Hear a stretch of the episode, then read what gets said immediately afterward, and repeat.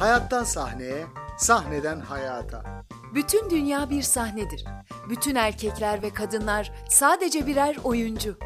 Alkat Sanat Tiyatrosu'nun hazırladığı Podcast'lere hoş geldiniz.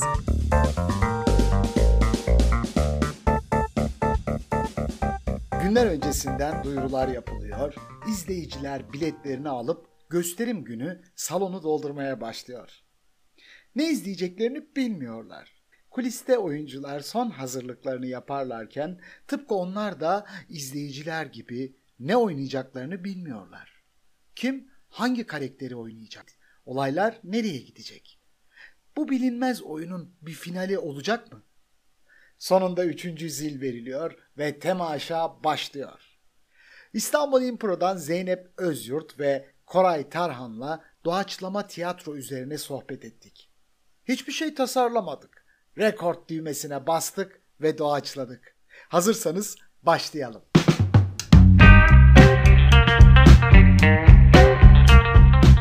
Merhaba sevgili arkadaşlar. Bugün İstanbul Impro'dayız. Öncelikle şunu sormak istiyorum. İstanbul e, Impro'nun kuruluşu nasıl oldu? Daha önce Avrupa yakasındaydınız, sonra Anadolu yakasına Kadıköy e, Halit Ağa Caddesi'ndeki Impro'ya geldiniz. Evet. E, Zeynep senden başlayalım istersen. Nasıl başladı serüven? Biz daha önce e, Mahşeri Cümbüş grup, grubunun kurucularındanız. 2000'de kurulmuştu o. 2006'da gruptan ayrıldık.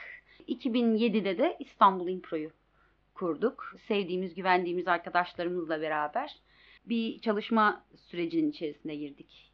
Yazın kuruldu aslında. Ondan sonra da ondan yaklaşık 6 ay sonra da gösterilere başladık. Hangi yıldı? 2007'de kurduk. e, 2008 Ocak ayında da e, ilk gösterilerimize başladık. Beyoğlu'nda e, Rengahenk Sanat Evi'nde başladık. Orada çok güzel etkinlikler oluyordu. E, daha sonra da e, Beyoğlu'ndaki sahnemizi kurduk. Orada bir sene gösterilere çıktıktan sonra. Ona da Beyoğlu Terminal adını verdik. Galatasaray'daydı. Her türlü eylemin, her türlü kalabalığın, e, bir sürü insanın bir arada bulunduğu inanılmaz kültür patlaması ol- olan yıllardı. Daha sonra kiramızın artışı ve Beyoğlu'nun değişmesi, gelen insanların ge- gelip de orada vakit geçiren insanların farklılığı bizi Kadıköy'e yönlendirdi. Kadıköy'de çok daha rahatız şu anda. Burası kurtarılmış bölge gibi çünkü. Aslında hepimizin buradaki e, tüm tiyatroların sayesinde birazcık da dediğin şey kurtarılmış bölge olması. Evet. Biz çok fazla hep beraber mücadele ettik.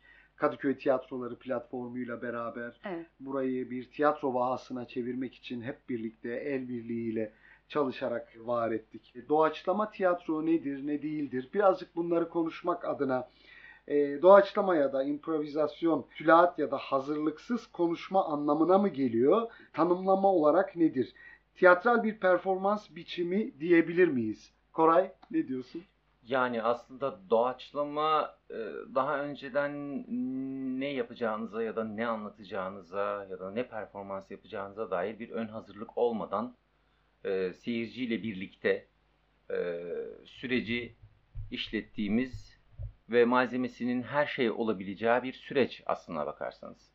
Yani bunun bu buna müzik de diyebilirsiniz. Yani e, bunu aslında en çok hayatımızın içerisinde olan kısmı spor. Yani e, daha önceden nasıl bir formatın içerisinde devinileceği belli olan süreçte öngörülemez durumlara karşı verilen anlık tepkilerle yaratılan kolektif süreçlere doğaçlama diyebiliriz. Yani doğaçlama tiyatroda bunun tiyatral bir ediminin olduğu süreç aslına bakarsanız. Yani biraz hani paralel tanımlarla bakacak olursak yani aslında yaptığımız tiyatro çok Brecht'le çok bağlantılı. Kendisinin söylediği hatta 30'larda e, Almanya'da kendisi bir boks fanı. Boks e, maçlarını kaçırmaz, futbol maçlarını kaçırmazmış. E, o zamanın e, popüler bir boksörüne gidip spor izleyicisinin algısıyla tiyatro izleyicisinin algısını birleştirmek benim hayalim. E, çünkü epik tiyatroda da daha önceden e, bilirler seyirci ne seyredeceğini ama hikayenin nasıl oynanacağını bilmez. E, dolayısıyla orada bir değerlendirme sürecine geçer. Spor izleyicisinde de aynı şey. Yani iki boksör çıkacak işte atıyorum 13-14 round e, dövüşecekler ve birim sonunda birisi şampiyon olacak. Ya puanla ya da işte nakavtla gibi bir sürecin içerisine girer izleyici ve her defasında benzer bir coşkuyla yani o sürecin içerisinde ne olacağını bilmeden izlediği için ve oyuncuların bu sürecin içerisinde nasıl reaksiyonlar verdiğini e, bir empati duygusuyla seyreder yani. Çünkü hani boks seyredenin eli kolu seyirir. Futbol seyreden kafa topuğuna çıkar ekran karşısında. E, gibi bir yeri tetikliyor. Orada da bu e, çok dikkat çeken ve e, araştırmak istediği bir e, mevzu.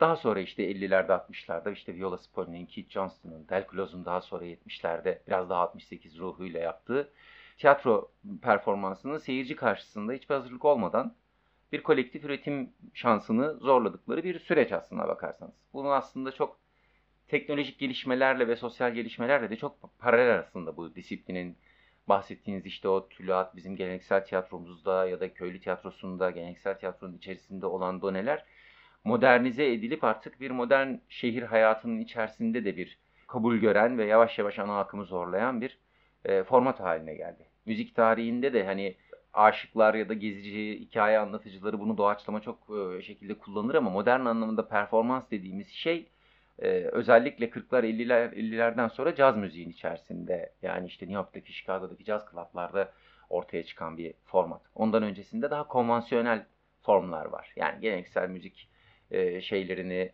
icra edenlerin içerisinde işte taksim yaparken mesela onun üzerine de çalışmalar var. Taksim müziği bizim geleneksel klasik müziğimizin içerisindeki doğaçlama ile cazdaki doğaçlamalar arasında paralel kuran akademik çalışmalar da var ama hani bugün an, anladığımız anlamda bir profesyonel e, performans sürecinin içerisindeki e, şey e, caz bandleri çünkü orada farklı müzisyenler bir araya gelip standart parçalar dediğimiz şeyler üzerinde doğaçlama süreçler yaşarlar.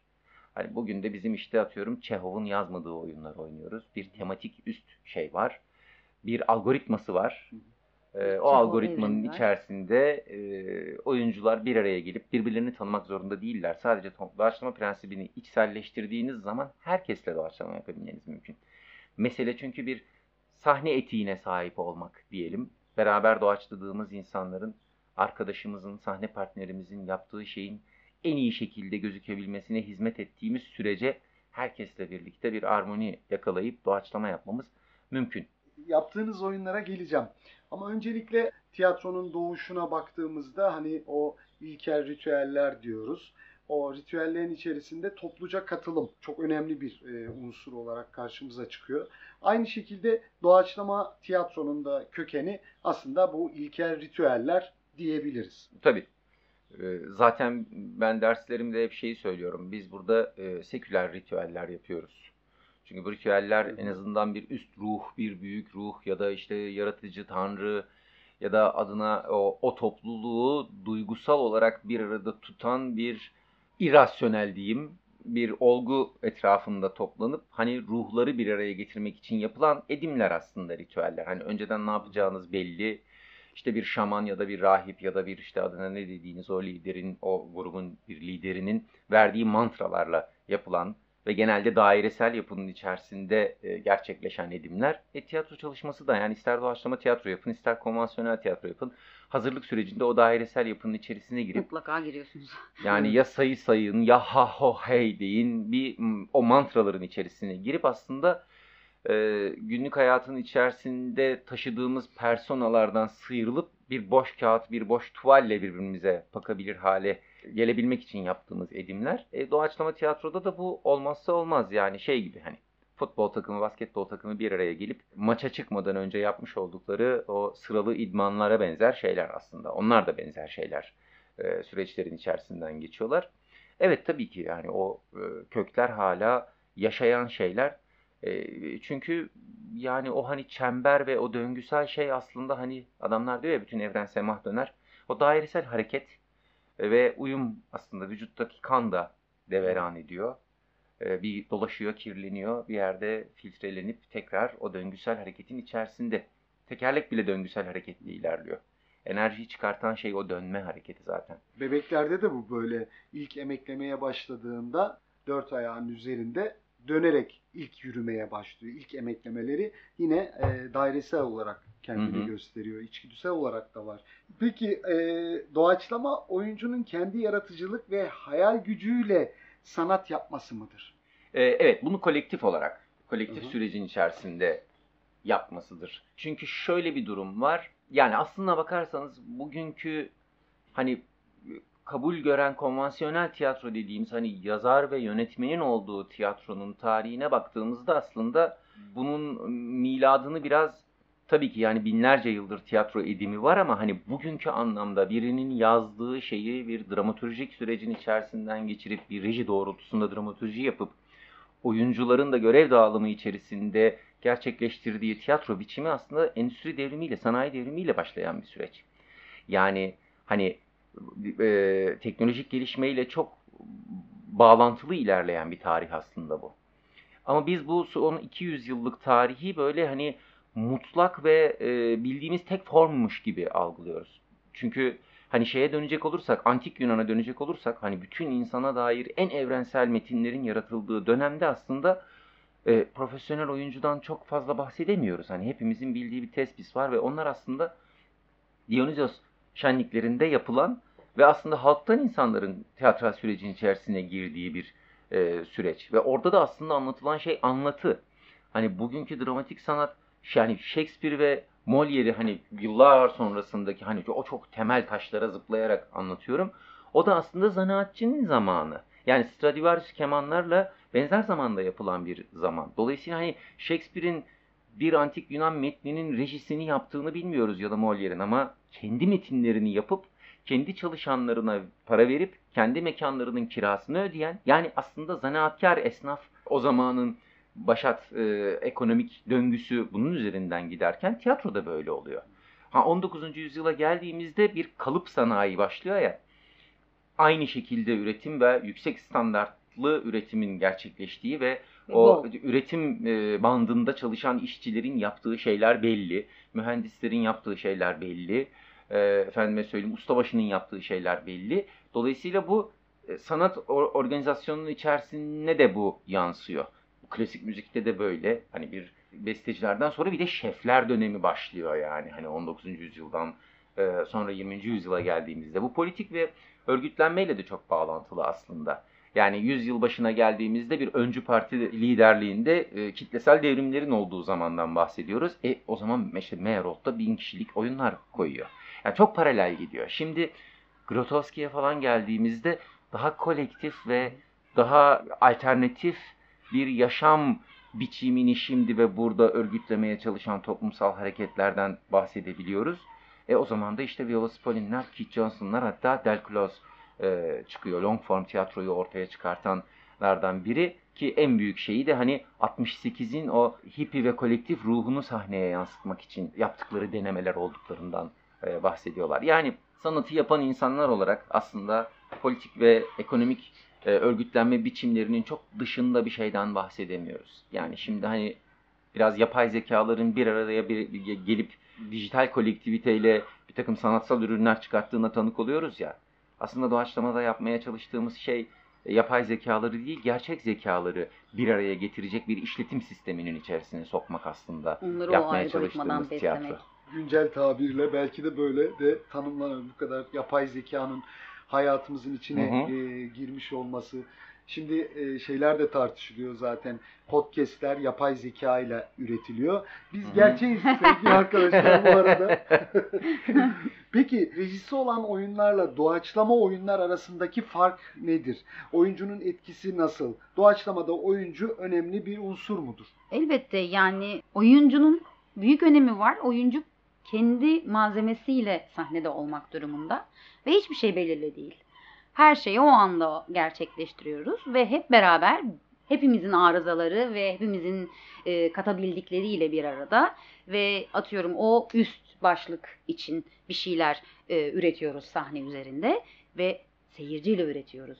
Yani bir e, rejisör olmadan kendi kendimize, kendimizle bir arada olarak ve seyirciyle bir arada birbirimizle e, o etkileşim içerisinde olarak bir sahne üzerinde bir yaratım gerçekleştiriyoruz. Dolayısıyla hani iktidarı da bir anda e, ortadan kaldıran da bir şey. Yani bir, beraberce bir şey oluyor ve her her gösteri o anda orada oluyor. O seyirciyle oluyor. Bir daha asla tekrarı olmuyor. Bu da onun biricikliği oluyor. Seyircinin daha çok merak etmesine, daha çok gelmesine sebep oluyor. Atıyorum ben bu oyunu seyrettim bir daha gelmeyeceğim demiyor. Evet. Ben bu oyunu böyle seyrettim. Bu oyun çok iyiydi.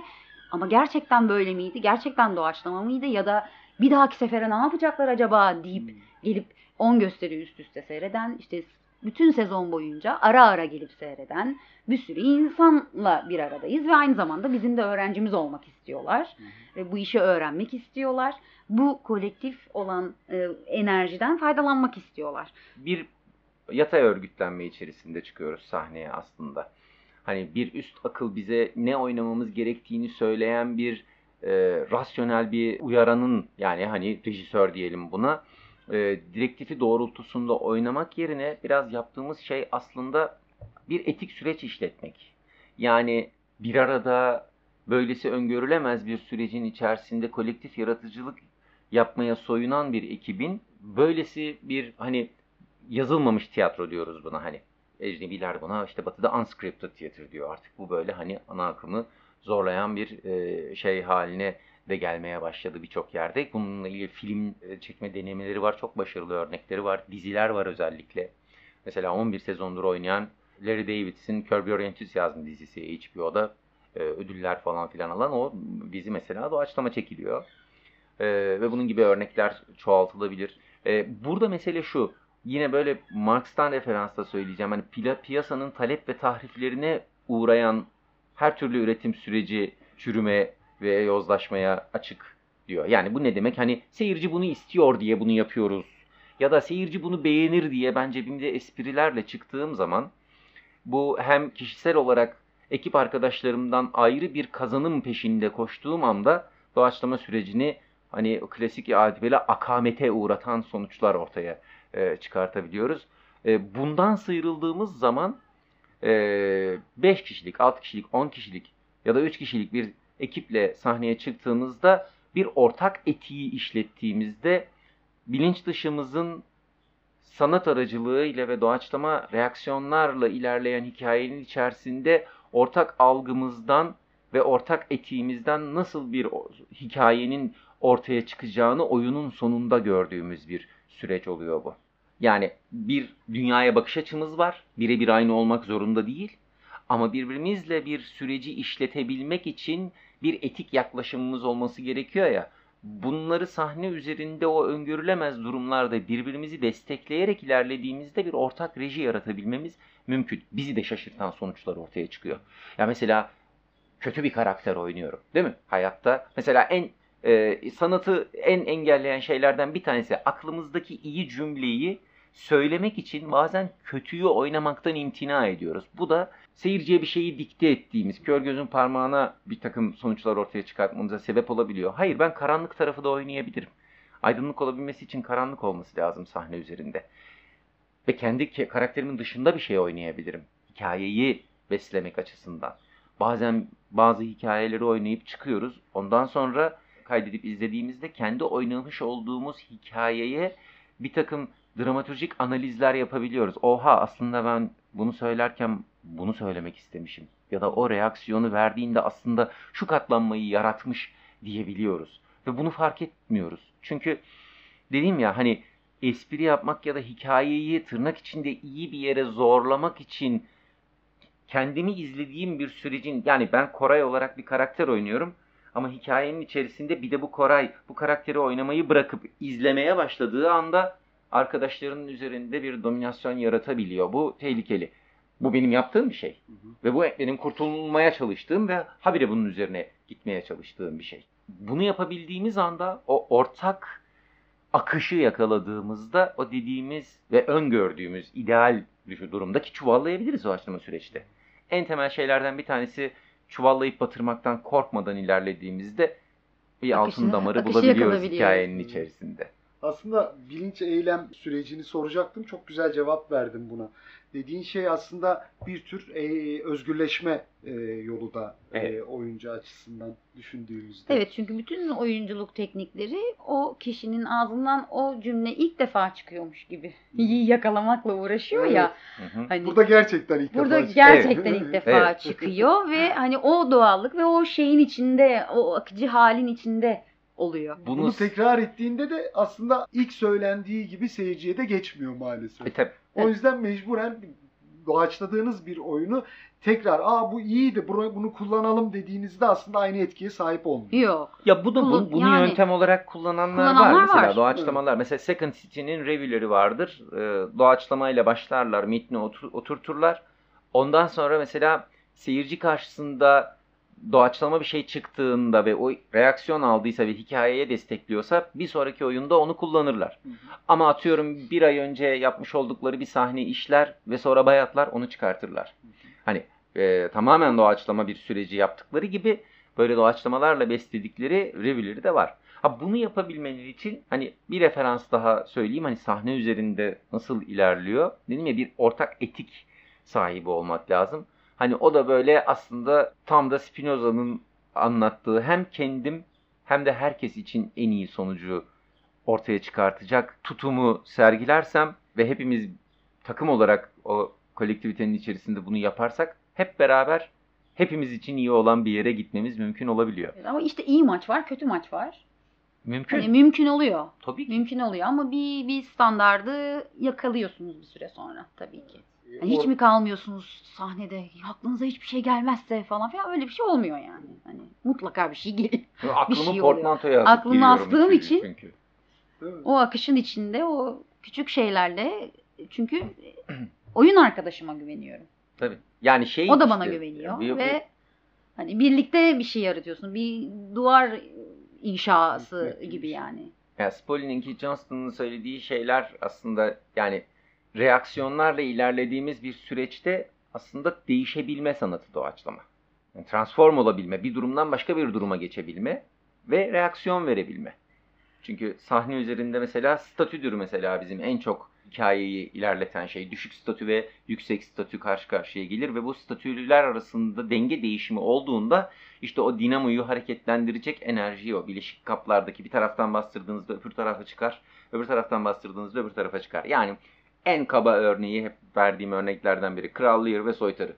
Oyunun başında statüleri çok farklıdır. Oyunun sonunda bu tepe taklak olmuştur. Eğer bu enerjiyi siz doğaçlama bir sürecin içerisinde o algoritmayı işletebiliyorsanız yani siz karşımda oynuyorsunuz, yüksek bir statüdesiniz, ben düşük statüyle giriyorum ve biz sizinle bir hikaye oynarken bizim arka tarafta işlettiğimiz süreçte bir şekilde bir bu statünün değişimini yaratacağımız bir durum yarattığımızda işte elimize bir hikaye çıkıyor. Tariflerin de gerçekten çok iyi.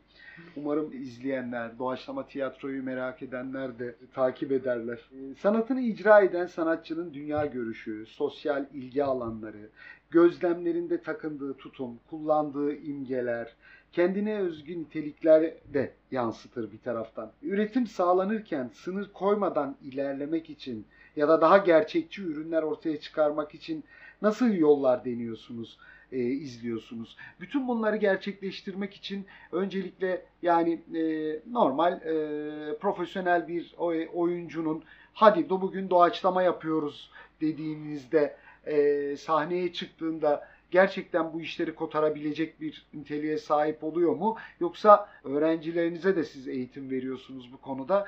E, profesyonel oyuncuların da bir eğitim sürecinden geçmesi gerekiyor mu? Ya da siz antrenman yapıyor musunuz? Evet. Evet tabii ki yapıyoruz. Yani bence normal bir oyuncunun da okulda e, doğaçlama ders almış bir oyuncunun da bu eğitimden bir şekilde geçmesi gerekiyor.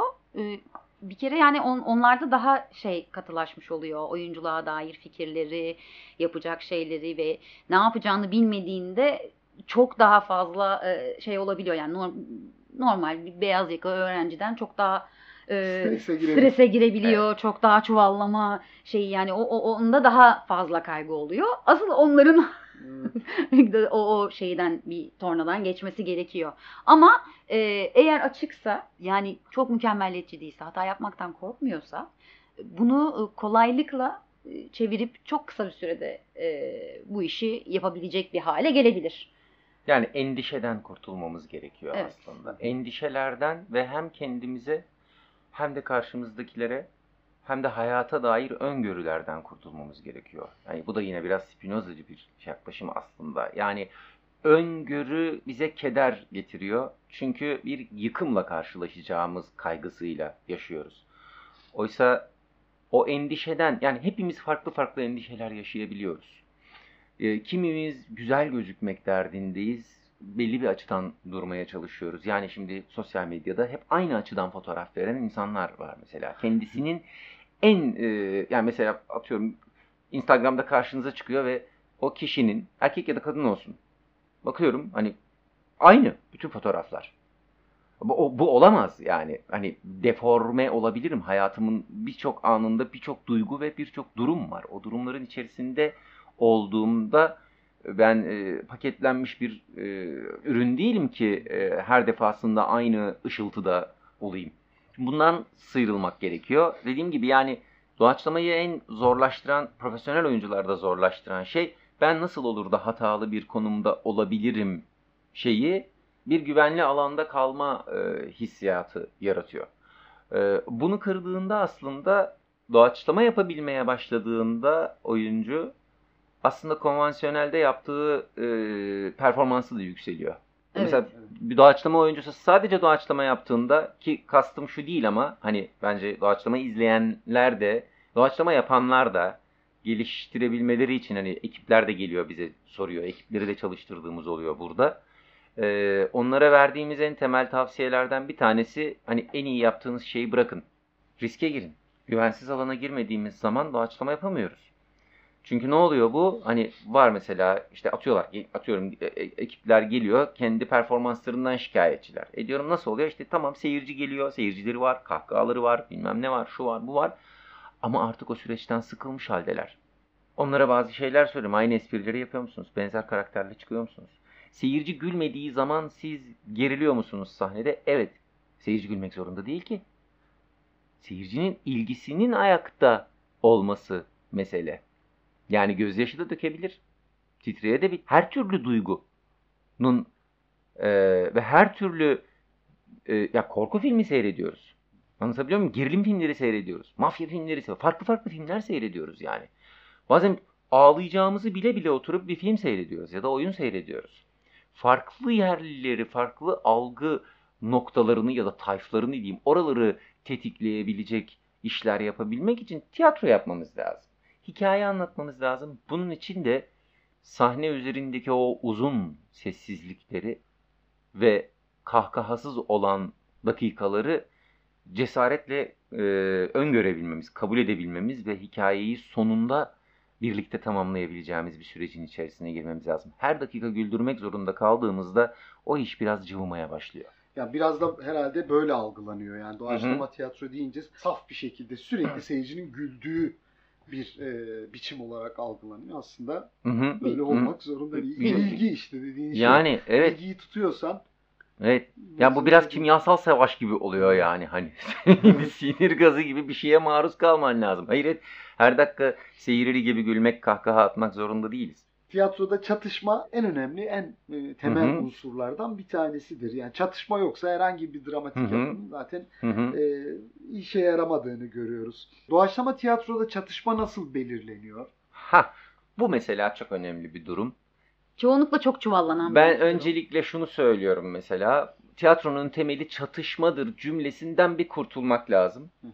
Çünkü çatışma şöyle algılanıyor. Çarpışma olarak algılanıyor. Hı. Tiyatro metinlerinde yani Hamlet bir sürü insanla çatışması var değil mi? Ama kimseye terbiyesini bozmuyor. Kimse kimseye çemkirmiyor. Yani kavga etmiyor kimse. Kavga ediyorsa eğer bütün süreç bitmiştir artık çarpışmaya girilmiştir ve çarpışmalar da kanlı olur. Yani şöyle bir şey var. Çatışma tabii ki zaten az önce söylediğim şey o statünün değişebilmesi için bir çatışma olması lazım. Tekerleğin de dönebilmesi için o enerjiyi üretecek bir çatışma, bir dinamonun evrilmesi için hani dinamo da ısınıyor. Çat- orada bir çatışma var. Anlatabiliyor muyum? Yani eylemsizlikle eylem arasında bir çatışma var orada. O çatışma enerjiyi yaratıyor. Şimdi bunu dramatik metnin içerisine koyduğumuz zaman çatışma, yani Çehov oyunlarında da var ama herkes çok başka şeylerden bahsederken çatışma çok altta bir yerde gidiyor. Yani soğuk savaş sürecinde Sovyetlerle Amerika birbirine birebir karşılıklı bir tane kurşun sıkmadılar ama çok başka çatışmalar vardı işin içerisinde. Kültürel çatışmalar vardı, kültürel emperyalizm vardı, bilmem ne vardı, farklı yerlerde ortaya çıkan savaş değilmiş gibi gözüken savaşlar vardı. İkinci Dünya Savaşı'nı alalım. 6 sene sürmüş bir savaş. Ama işte atıyorum Arden çatışması diyoruz. Orası kanlı. Ne, ya da ne bileyim ben işte bilmem Stalingrad savunması diyoruz. Leningrad kuşatması diyoruz. Oralar savaş yani battle diyoruz oraya ama war dediğimiz zaman başka bir şeyden bahsediyoruz. O war'u arayacaksak eğer bazen bu çok kibar bir konuşmanın içerisinde de gerçekleşebilir bu çatışma. O çatışmanın peşine koşmak gerekiyor. Sahneye çıktığı zaman birbirine çemkiren ve kavga eden oyuncuların sahnesi bir reddedişler silsilesiyle bir katastrofla sonuçlanıyor ve bize bir hikaye yani çatışma olmayan bir çarp çarpışma yaratıyoruz. Oysa çatışmanın peşine koşabilmek için bir mutabakat arayışının içerisine girmemiz lazım.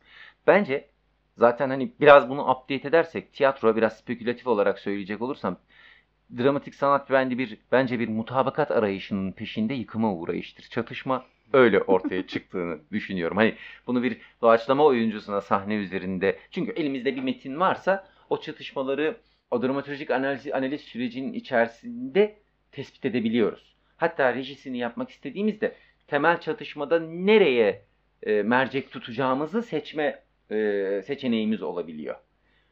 Bir takım yan çatışmaları devre dışı bırakıp o ana çatışmanın üzerine gidebiliyoruz. Ya da spekülatif bir reji yapacaksak ana çatışmayı çok belki bir perdede bırakıp yan çatışmanın üzerine gidebiliyoruz. Sahne üzerinde bu teatral, dramatik çatışmayı yaratabilmenin koşulu sahne üzerinde kavga etmeyi bırakmak aslında. Çünkü karakterleri tanıdığımız zaman uyumlu bir diyalog yaratmış olmamız gerekiyor. Hiçbir şeyin olmadığı ya da hiçbir şeyin olmuyormuş gibi gözüktüğü bir süreci yaşayabilirsek dramatik çatışmayı yaratma şansını yakalayabiliyoruz o sürecin içerisinde. Peki mekan algısı e, ve kostüm belirleme nasıl oluyor? Birdenbire bir mekanda var oluyorsunuz. Bu nasıl ortaya çıkıyor doğaçlama oyunda? Kostümler nasıl belirleniyor?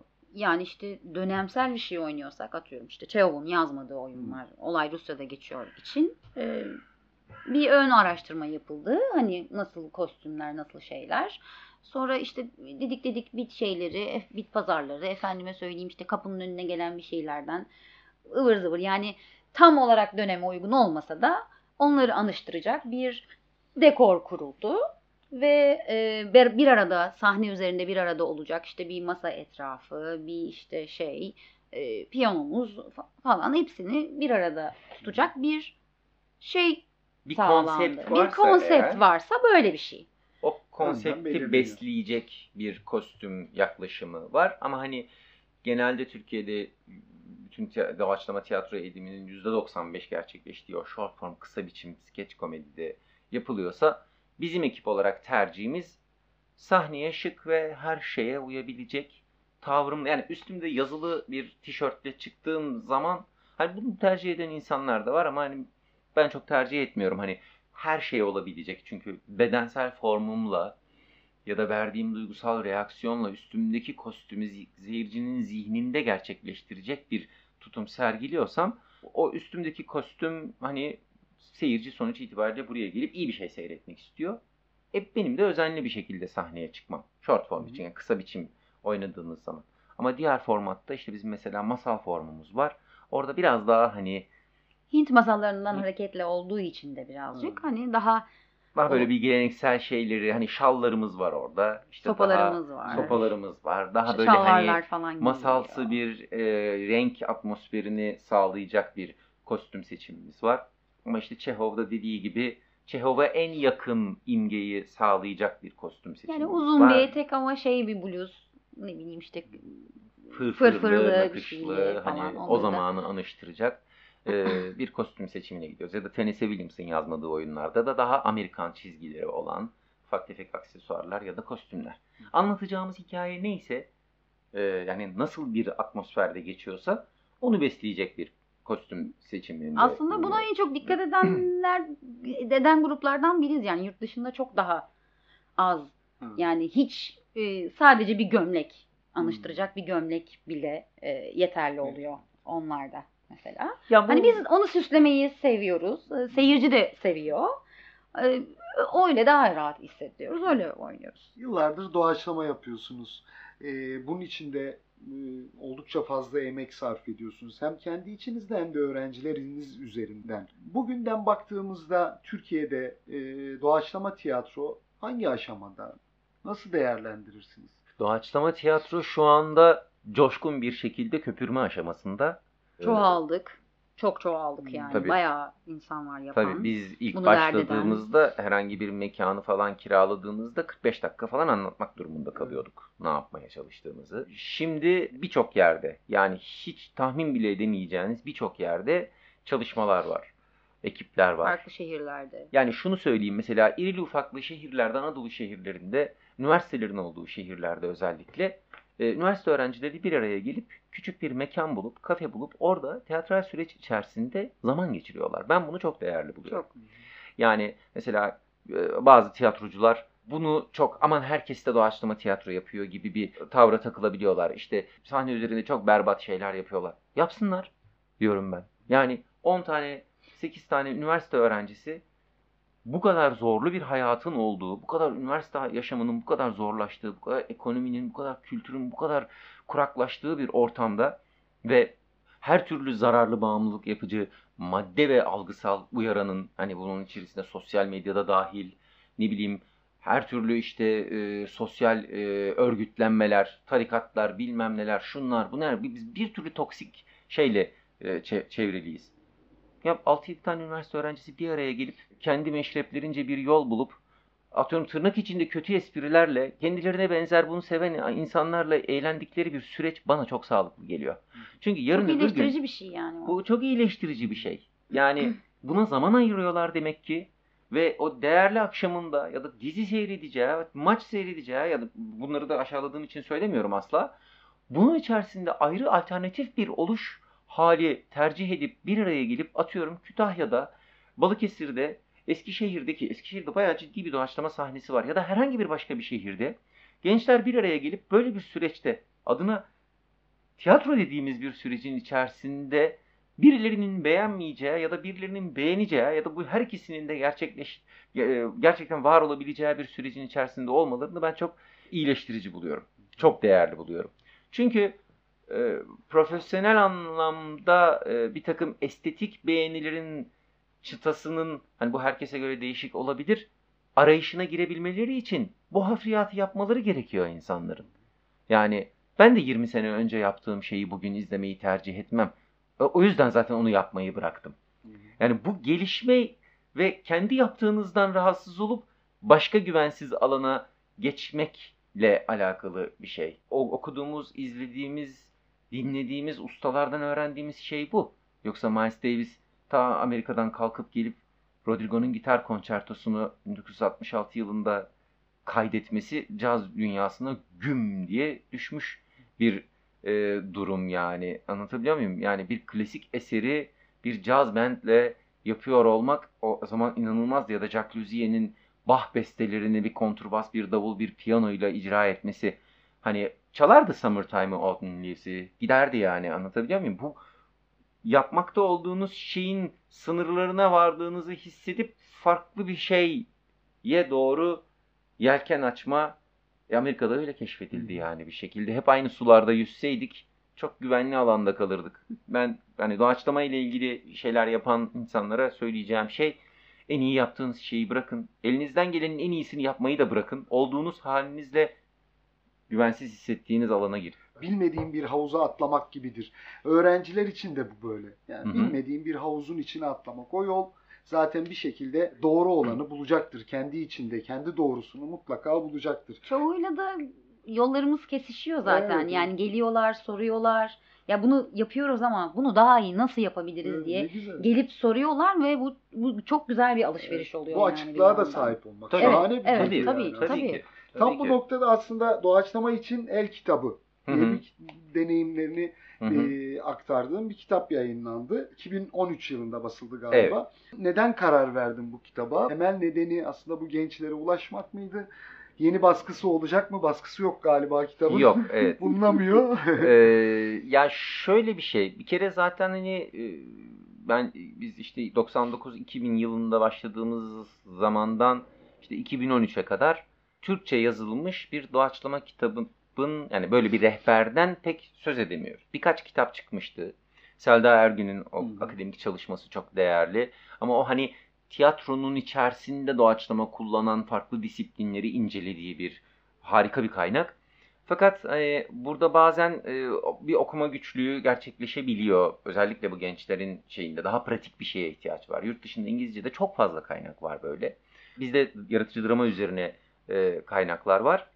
Ama hani işte bu bütün bu süre içerisinde konuştuğumuz bizim yaptığımız işe dair daha hızlı hani bütün bu işte sohbette de e, bahsettiğimiz o kitapta mesela işte hani e, çalışma sürecine dair de bizim deneyimlerimiz, çuvallamalarımız, bunlarla nasıl başa çıktığımız noktasında da yardımcı olmak bir aslında tam bir rehber olması amacıyla şey yapıldı. Kitapta da anlatırım. Yani işte İstanbul Intro'nun ve bizim kendi işte 13-15 senelik doğaçlama deneyimimizde biriktirdiğimiz, kendi ürettiğimiz, çevirdiğimiz ya da festivallerde ya da yurt dışından gelen e, doğaçlamacı arkadaşlarımızın bizimle paylaştıkları teknikleri bir toparlayıp aslında tiyatromuzun bir envanterini çıkartmak yani. O envanteri çıkarttığımızda elimize böyle bir e, şey çıktı. Kitabın iki baskısı oldu ama üzerine ikinci baskı yazılmadı falan filan gibi bir takım e, tatsız süreçlerin sonunda ben e, şu anda kitabı impromatik.com sitesi haline dönüştürdüm. E, doğaçlama için el kitabının içindeki şu andaki bir yani şu an var olan baskının ve bulunamayan baskının içerisindeki bütün datayı orada bulmak mümkün. Impromatik.com'a Aslında daha önce girdiğinizde şey oldu yani Uygulama uygulama haline getirdim. Uygulama Ee, vardı. evet. Biliyorum onu. uygulama haline getirdim. E, ama biz bu anlamda hani hibrit bir kuşak olduğumuz için e, bu bize bir hani genelde bir uygulama yapan insan köşeyi döner ya. Bu bize ekonomik güçlük haline ge- getirdi. Çünkü hani bir- bunu ücretsiz olarak koymayı tercih ettim. Biraz da hani bu yaptığım işle alakalı da hani bir etik kaygılar üzerinden e, gerçekleşti. Çünkü beni uygulama yapmaya iten şey kitabın PDF'inin dolaşıyor olmasıydı. E, yani benim kitabı birileri zahmet etmiş, e, taramışlar ve PDF haline getirmişler. E, dedim yani böyle olacağına bari benim e, oturup bir şey yapayım da bari hani oradan faydalansınlar. Sonra o astarı yüzünden pahalıya geldi. Her şey çünkü dolar üzerinden olduğu için bir uygulamayı hayatta tutmak her sene artan bir orada Sunucu yayın. E, maliyetleri. tabii yani o, o dolayısıyla hani uygulamayı rafa kaldırıp bir site haline getirdim. Fakat şimdi ikinci baskı yani e, genişletilmiş bir halde şey yapmayı düşünüyorum ama bunu ne zaman yaparım bilmiyorum. Çünkü ülkenin bir kağıt fabrikası yok. Artık. Ee, yani 70 sayfalık kitaplar 200 liralık etiketlere satılıyor. Bu güç artık hani nasıl olacak bilmiyorum. Belki biz tiyatro olarak hani e, talep üzerine basma ya da e-kitap olarak basma gibi alternatifleri değerlendiriyoruz. Hani bunu dinleyen bir yayın evi varsa yani çünkü ben ilk götürdüğüm yayın evi çok büyük bir yayın eviydi. Yani nelere kimlere emanet onu da anlatayım. Anlatmayacağım. Hangi yayın evi olduğunu söylemeyeceğim. Ee, belki e, rakı içerken söylerim. İlk götürdüm kitabı ya dedim ben dedim doğaçlama üzerine kitap yazdım falan filan. Ha ha ha ha doğaçlamanın kitabı mı olur ya çıkar yaparsın dedi o çok büyük yayın evinin editörü. Teşekkür, teşekkür ederim dedim. Yani çünkü benim bizim evimizde zaten 60-70 tane İngilizce kaynak var. Ve habire basılıyor. Ve doğaçlamanın üzerine kitap olur. Nasıl ki caz müzik üzerine kitap olursa, her şeyin üzerine kitap olursa doğaçlamanın üzerine de kitap olur. Yaptık oldu işte. Ya kitabı mı olur? Yani, Demek bile bir editör için ne kadar ya gerçekten gerçekten çok acı verici. Yani o bir saatlik sohbette ne konuştuk, ne anlat dedim ya ilk yapmaya başladığımızda daha hani anlatıyoruz tiyatro sahibine sahneyi kiralayacağız bu arada yani parasını vereceğiz kiralayacağız. Dinliyor bizi bir saat. Yani bu 2004'te 2005'ten bahsediyorum. Aa enteresan fikir yapılsa çok iyi olur. Enteresan fikir. Abi 70 Yapıyoruz senedir abi. yapılıyor zaten. Hani Tülahat tiyatromuz yapılıyordu zaten. Hani yapılıyor bu yani. Yapılabiliyor bu. Sizin oyunlardan birazcık bahsedelim. Sonuna yaklaşıyoruz artık. Bu sezon kapanıyor ama önümüzdeki sezon yine devam edecek. Biraz oyunlardan bahsedelim. Sonra eğitimler çok önemli. Onlardan da bahsetmek istiyorum. Gençlerin ya da doğaçlama tiyatroya ilgi duyanların geleceğe en önemli adreslerden bir tanesi. Çok merkezi bir konumda. Lokasyon olarak e, herkesin çok rahat ulaşabilecekleri bir noktada. E, bunlardan birazcık söz edelim sonra yavaş yavaş bitirelim. Oyunlardan başlayayım. Bizim ilk işimiz Ne Ala Temaşa. O Ne Ala Temaşa kısa kısa oyunlardan oluşan e, short form dediğimiz doğaçlama türünde. E, müziğimiz var, doğaçlama müziğimiz var e, ve seyirciden alınan bir takım donelerle oluşturduğumuz, kısa kısa oyunlardan oluşturduğumuz bir doğaçlama kabare aslında. Güncele dokunabildiğimiz, işte seyircinin verdiği e, şeyler doğrultusunda oynadığımız bir oyun. İlk işimiz, bizim lokomotif işimiz. Ne ala temaşa e, herhalde ne kadar oynamışızdır? 600, 700, 700 yani falan olmuştur. 2008'den beri oynuyoruz. Evet 2008'den beri oynuyoruz. Onu her hafta oynuyorduk yani ilk başlarda. Ee, o işimiz var. Sonra bizim özgün bir formatımız var. O çok önemli bir e, format. E, bir zamanlar e, işimiz. Bir zamanlar işimizde e, Koray Tarhan ve psikolog arkadaşımız Tolga Erdoğan'ın bir araya gelip konuşup böyle bir hikaye kurma üzerinden alınan bir eğitim üzerinden e, aslında bir psikolog e, olan Molly Lahat'ın e, uyguladığı bir terapi tekniğinden yola çıkılarak tiyatroya uyarladığımız bir format. Onda da doğaçlama Belirgin basamaklarla var. uzun bir hikayeyi seyirciyle birlikte kuruyoruz. Şimdi bunu da bir 6-7 senedir de bir ressamla birlikte yapıyoruz. Çizilen resimler her aşamada seyirci tarafından yorumlanıyor ve o yorumlar parça parça e, bir saatlik bir hikayenin epizotları halinde seyircinin karşısında anında gerçekleşiyor. Ve müzik de var yine. Yine doğaçlama müzik var. O bayağı e, e, o özgün bir formatımız olduğu için yurt dışına falan da çok gitti. Yabancı ekiplerde de çok oynadığımız, bir arada oynadığımız, burada festivallerimizde, doğaçlama festivalimizde falan oynadığımız bir oyunumuz aynı zamanda. Çok önemsiyoruz o oyunu. Aslında beraberce oynadığımız bir oyundu. Fakat 5 5 senedir falan bunu bir kadın hikayesine dönüştürmek istedik. Toplumsal cinsiyet hikayesi. Yani hikayenin içerisindeki bütün oyuncular kadın ve oynanan karakterler de kadın. Yani kadınlar bir erkeği de oynamıyorlar. Yani kadınlar arasında geçen diyaloglarla hikayenin nasıl akacağının merakıyla ortaya çıktı aslında. Ve kadın hikayelerinin ortaya e, çıkartılması da amaçlandı. Ve çok keyifli sonuçlar ortaya çıktı. E, ve dolayısıyla çizilen resimlerle de ciddi bir arşiv oluştu. Bu sene iki tane sergi yaptık. Yani bir tane bizim tiyatromuzda sergi ve e, oyun ve sonrasında e, söyleşi. Bir de işte e, Beyoğlu Karşı geçen Sanat'ta. Karşı Sanat'ta yaptık bir ay önce. E, hani çok enteresan bir kolektif enerjinin çıktığı bir hikaye format oldu. Onun dışında işte Olay Rusya'da geçiyor var. Anton Chekhov'un yazmadığı oyunlar. Tennessee Williams'ın oyunu var. E, Küçük Amerika. Küçük Amerika. Ondan Masal Irmakları'nda Masal var. Irmakları'nda var. Hint ee, masallarından e, yola çıkarak yaptığımız bir işte Masal Irmakları'nın Okyanusu'nda diye iki ciltlik e, bu Hint masalları. Bin, bin bir gece masallarından evvel yazılmış bin bir, bin bir gece masalları gibi olan böyle iki ciltlik şeyimiz var. Onunla sahneye çıkıyoruz ve seyirci oradan bir herhangi cümle, bir paragrafın, herhangi bir ilk cümlesini, ilk cümlesini okuduğunda bir masal başlıyor aslında. evet o ilk iki cümleyi okuyor sonra biz bir saat oynuyoruz gibi bir şey. Ee, başka... Kayıp, kayıp oyun var. Tamamen freestyle uzun e, biçim hikaye yarattığımız. Yönetmenin seçimi var. Beş farklı hikaye ortaya çıkıyor. Bir hikaye eleniyor, dört hikaye yeniyor. O diyor dört hmm. hikayenin ikinci epizodunu izliyoruz. Sonra o hikayelerden biri eleniyor, eleniyor, eleniyor. Sadece tek ilk epizotlardan bir tanesi hikayenin sonuna kadar gitme şansına erişiyor. Orada da hani seyirci değerlendiriyor. Hani bu beş hikayeden hangi dördünün ikinci epizodunu izlemek istediğine karar veriyor. Böyle böyle elenerek hani hem short formla hem long formu, kısa biçimle uzun biçimi hibritleyen formatlardan bir tanesi. Haftanın elemanı var. Orada da hem profesyonel ekibimiz hem dışarıdan başka topluluklardan gelen arkadaşların katılabildiği hem de öğrencilerimizin katılabildiği bir format. Orada hani bir müsabaka mantığını biraz ters yüz ettiğimiz bir şey. Oyuncular üçer kişilik, dörder kişilik, ikişer kişilik gruplar halinde sahne üzerinde seyirci karşısında doğaçlama yapıyor. puan aldıklarında bireysel hanelerine yazılıyor. Hmm. Yani hem rakipsiniz ama herkesle de takım arkadaşısınız. Ee, dolayısıyla bazen 3 aydır atölyeye gelen bir arkadaş birinci seçilebiliyor. 20 senedir yapılan kişi ikinci turda elenebiliyor. hani e, dediğim gibi o Çok müsabakaya ve performansa dair öngörülerimizi de tepe taklak eden eğlenceli bir format. Ee, onun dışında başka Alt üstümüz ee, var. Alt üst var, davul tozu var. iki kişilik formatlar bunlar. Yine uzun hikayeler yaratmak için geleneksel formları şey yaptığımız. E, ne ala temaşanın içerisinde özgün aslında oyunlarımız var. Uluslararası literatürün içerisine de girmiş. İşte aşk atışmasının e, meddah oyunu gibi, tarot gibi, kahve falı gibi.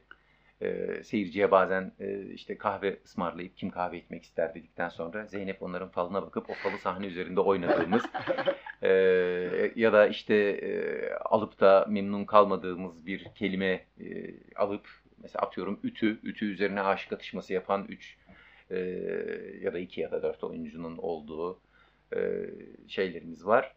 Bunları da E, literatür yani aslında dünya literatürüne kattığımız oyunlar bunlar. Yani yurt hani dışından Kanada'da meddah oyununun oynandığını, ne bileyim Hollanda'da işte bir e, aşık atışması oynadıklarını haberini alıyoruz arkadaşlarımızdan. Bu da bizi çok mutlu ediyor.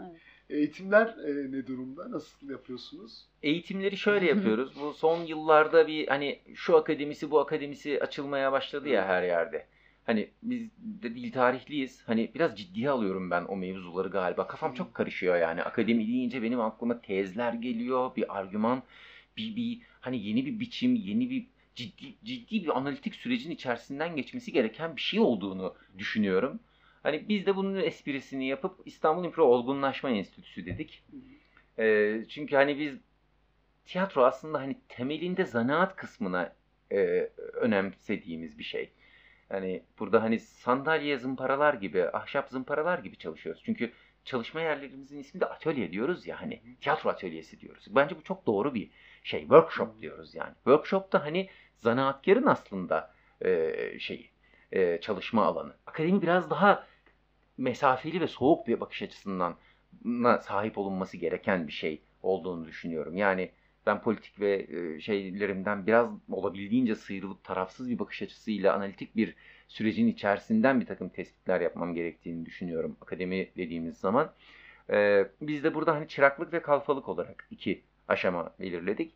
E, bir yıl boyunca işte Eylül ayından Mayıs ayına kadar e, çıraklık eğitimine gelip hani temel sahnede durabilme, kendi kaynaklarımızı geliştirebilme, pozitif reaksiyon verebilme, e, o İletişimi sahne güçlendirme. iletişimi güçlendirme ve ufak ufak işte o kısa biçim oyunların içerisinde 2-3 performansı seyircinin karşısında gerçekleştirdikten sonra kalfalık eğitimi dediğimiz biraz daha ince zımpara ve cila çekmeye başladığımız işte karakter derinliği, işte sahne üzerinde daha çatışmayı nasıl yaratırım, Daha dramaturjik. yaklaşım. daha dramaturjik yaklaşımlar hani sadece sahne üzeri çalışmalar değil hani bir takım okuma çalışmaları da yaptığımız herkesin kendi dramaturgu ve o içindeki o reji algısını da geliştirmeye dönük bir eğitim sürecinin içerisinde ilerlediğimiz bir kalfalık eğitimimiz oluyor. Böyle böyle hani amaçladığımız hem short formda hem kısa biçimde hem uzun biçimde oynar hale getirebilmek amaç, amaçladığımız şey. Çok teşekkürler. Biz teşekkür Teşekkür ederiz. Bitti mi? E, bitirelim Ay, çabuk bitti. ya ben iki festivalimiz var ondan Tabii bahsetmek ki, istiyorum. tabii Ee, ki. yani şu an maddi olanaksızlıklar ve e, belirsizliklerden dolayı yapamıyoruz ama iki tane festi- festivalimiz var uluslararası hı. yaptığımız. Biri e, Hikaye Anlatıcılığı Festivali. İstanbul Uluslararası Hikaye Anlatıcılığı Festivali. Onun iki buçuk kere yaptık. Ee, üçüncüsünü pandemiden bir hafta önce iptal etmek zorunda kaldık. Ve iki buçuğuncunu, buçuğuncusunu şey Online. online yaptık. Onun dışında da 5 tane de uluslararası Doğaçlama tiyatro festivali yaptık. Ve yurt dışından birçok oyuncu geldi. Beraber burada atölyeler yapıldı. Atölyelerden sonra akşam oyunlar oynandı. Hep beraber kolektif bir şeyin içine girildi. O, o- onlar çok çok eğlenceli ve e, nasıl söyleyeyim böyle duygusal patlamalar yaşadığımız ve çok üretkenliğimizi çok kamçılayan bir oluşum onlarda. Onlardan da bahsetmeden edemedim.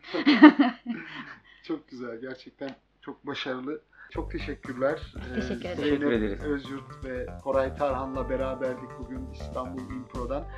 Ee, İstanbul Impro'ya dair bilgileri de web sayfasını da söyleyelim. İstanbulimpro.com Instagram'da da İstanbul Impro. Yani İstanbul ve Impro kelimesini yan yana yazdığınızda ve Google'a yazdığınızda her şey çıkıyor. Peki. Çok teşekkürler. Teşekkür Görüşmek Teşekkür üzere. ederim. Görüşmek Sağ ol. üzere. Hoşçakalın.